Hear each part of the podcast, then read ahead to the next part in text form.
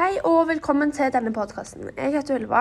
Og jeg heter Ella. og i dag så skal vi gå dypere inn i temaet stress og sammenhengen mellom stress, sårbarhet og resiliens. Og For å komme litt i gang, har du lyst til å starte med å forklare hva stress er? Det kan jeg gjøre. Eh, Jeg kan starte med å si at stress er en opplevelse som kan gi følelsen av at noe er uoverkommelig, og at man kan kjenne på en følelse av mangel på kontroll.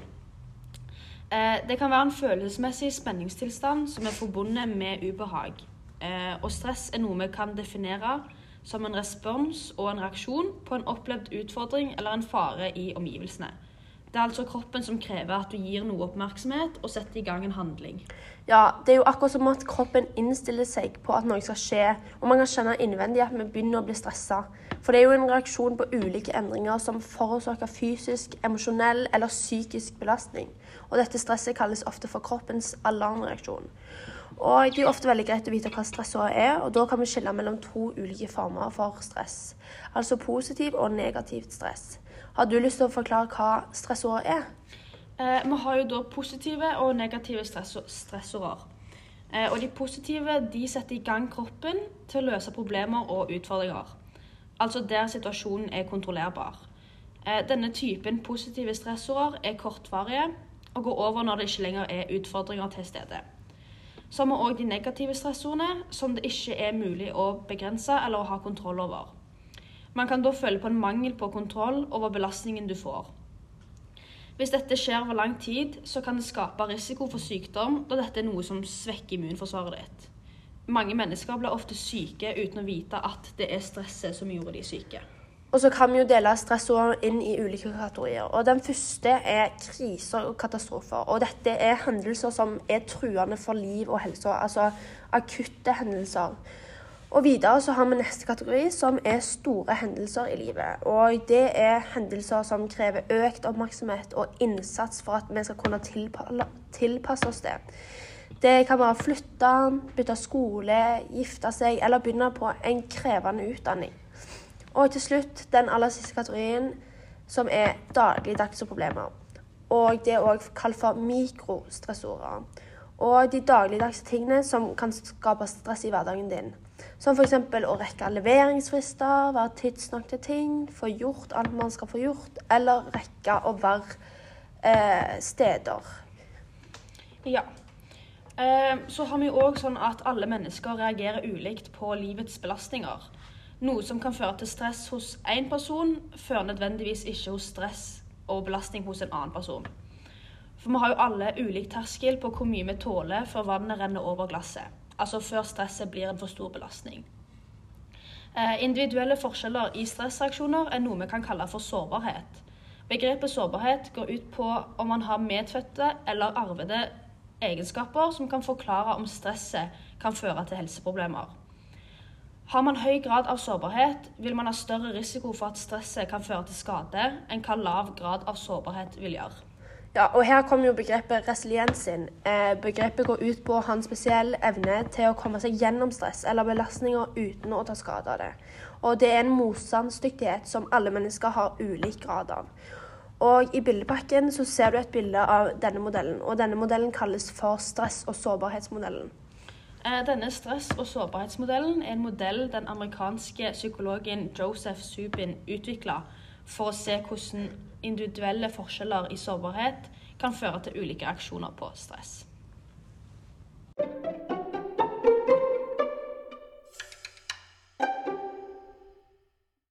Nå som vi har vært gjennom hva stress er, og alt annet rundt det, har du noen gode tips på hvordan man kan forebygge negative stressreaksjoner for å unngå at stresset gir for store konsekvenser?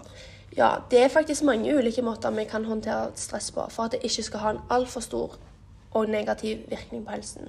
Og det første eksempelet er opplevelse av sammenheng, eller sense of coherence.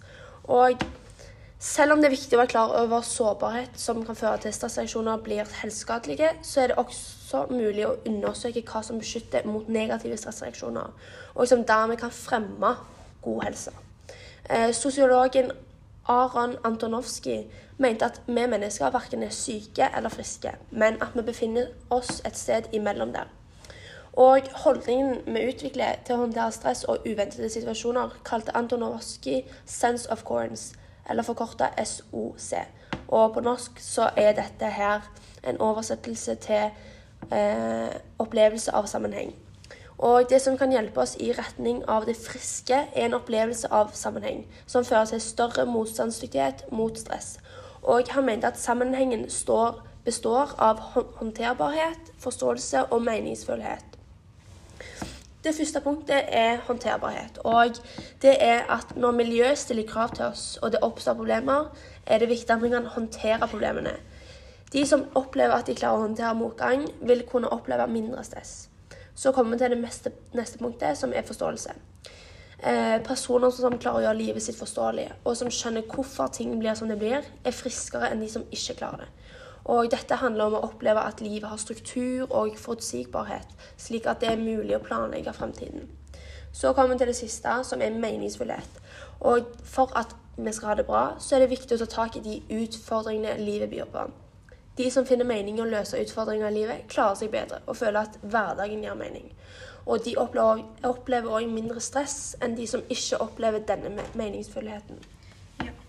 Eh, så videre har vi òg et annet eksempel på hvordan man kan forebygge negative stressreaksjoner. Og det er aktiv mestring og fysisk trening. Eh, en negativ stressreaksjon, stressreaksjon oppstår gjerne som følge av opplevd mangel på kontroll. Eh, en naturlig reaksjon på dette er en opplevelse av hjelpeløshet eller håpløshet, som, som kan føre til passivitet. En passiv reaksjon reduserer muligheten for mestring. For å mestre negative stressreaksjoner er det viktig å, opp, viktig å rette oppmerksomheten mot det som faktisk er mulig å kontrollere. Fysisk trening er et eksempel på aktiv mestring og stress. Eh, stress kan ha en negativ effekt på kroppen og på muligheten til å håndtere fremtidige, fremtidige stressorder. Eh, fysisk trening er viktig for å forebygge negative stressreaksjoner og for å gjøre oss bedre rusta til å mestre nye belastninger vi møter på. Så har vi et nytt og det siste eh, eksempelet vi har her, og det er avspenning. Og denne siste metoden eh, gjør det mulig å arbeide med aktiv avspenning for å redusere stress. Avspenningsøvelser kan påvirke de delene av hjernen som styrer pust, blodtrykk, søvn og hormonsystemet. Og avspenningsøvelser kan være å ligge på en sofa eller ta noen dype drag med pusten som aktiverer det parasympatiske nervesystemet, noe som virker beroligende. Ja. Eh, så videre nå vil vi ta dere med på et møte på to personer som begge er i helt forskjellige stadier i livet, men begge opplever stressende hverdager som er fullt med mye. Eh, da har vi det første eksempelet her. Og da kommer vi til en alenemor med tre barn som begynner på jobb halv åtte om morgenen. Og før dette så må hun vekke alle barna, lage mat til dem og sende dem på skolen. Og på jobben hennes så er, hun, så er hun ansvarlig for et stort prosjekt som gjør at hun har mye press på seg. Og etter jobben så må hun òg hente dem på skolen, noe som kan være problematisk ettersom hun har en bil som ikke er helt gunstig, da han har vært inn og ut av verkstedet flere ganger. Hun har òg en syk mor som hun må ta seg av. Og denne alene moren opplever stress daglig og kjenner på at hun aldri klarer å slappe helt av. Um, har du noen forslag til hvilke tiltak denne alenemoren kan gjøre for å få, mer, for å få et mer rolig og avslappa liv? Ja, altså da hadde det jo vært dette her med opplevelse av sammenheng hvor um, man kan tenke at det er meningsfullhet. Altså For å ha det bra så er det viktig å ta tak i disse utfordringene hun møter på, med å få tid til alt hun skal rekke i hverdagen, og løse disse utfordringene, da. Um, og forstå at ja, og jeg tenker også dette her med aktiv mestring og fysisk trening, da. At hun gjerne setter av litt tid til seg sjøl, der hun gjerne kan ta seg en tur, mm. slappe av og få roa helt ned og samle tankene. Ja. Um, videre har vi òg et annet eksempel som er ganske ulikt det andre. Og det er en videregående skoleelev som går sitt siste år på skolen. Um, denne personen har veldig mye lekser og prøver og opplever de fleste dagene som veldig stressende. I tillegg er denne personen med i en russegruppe som veldig ofte er ute på ting og fester, og det er noe man ikke har lyst til å gå glipp av. Har du noen eksempler på tiltak som kan bli gjort for å rekke overalt og ikke bli så stressa? Eh, Det første jeg tenkte på da, var vel opplevelse av sammenheng. Dette her med sense of coherence, og spesielt det punktet som handler om forståelse. Altså at, mm. eh, at vi må være personer som klarer å gjøre livet sitt forståelig, og at vi skjønner hvorfor ting blir som de blir. Ja. Og dette handler jo òg om at vi må oppleve at livet har struktur.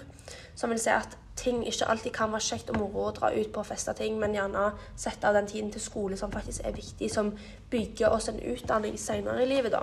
Ja, men det jeg tenkte på dette her med forståelse av at det er litt sånn livet er. At Ja. videregående er stress, og det er mye som skjer, men man må bare forstå at man må gjennom det, og ja.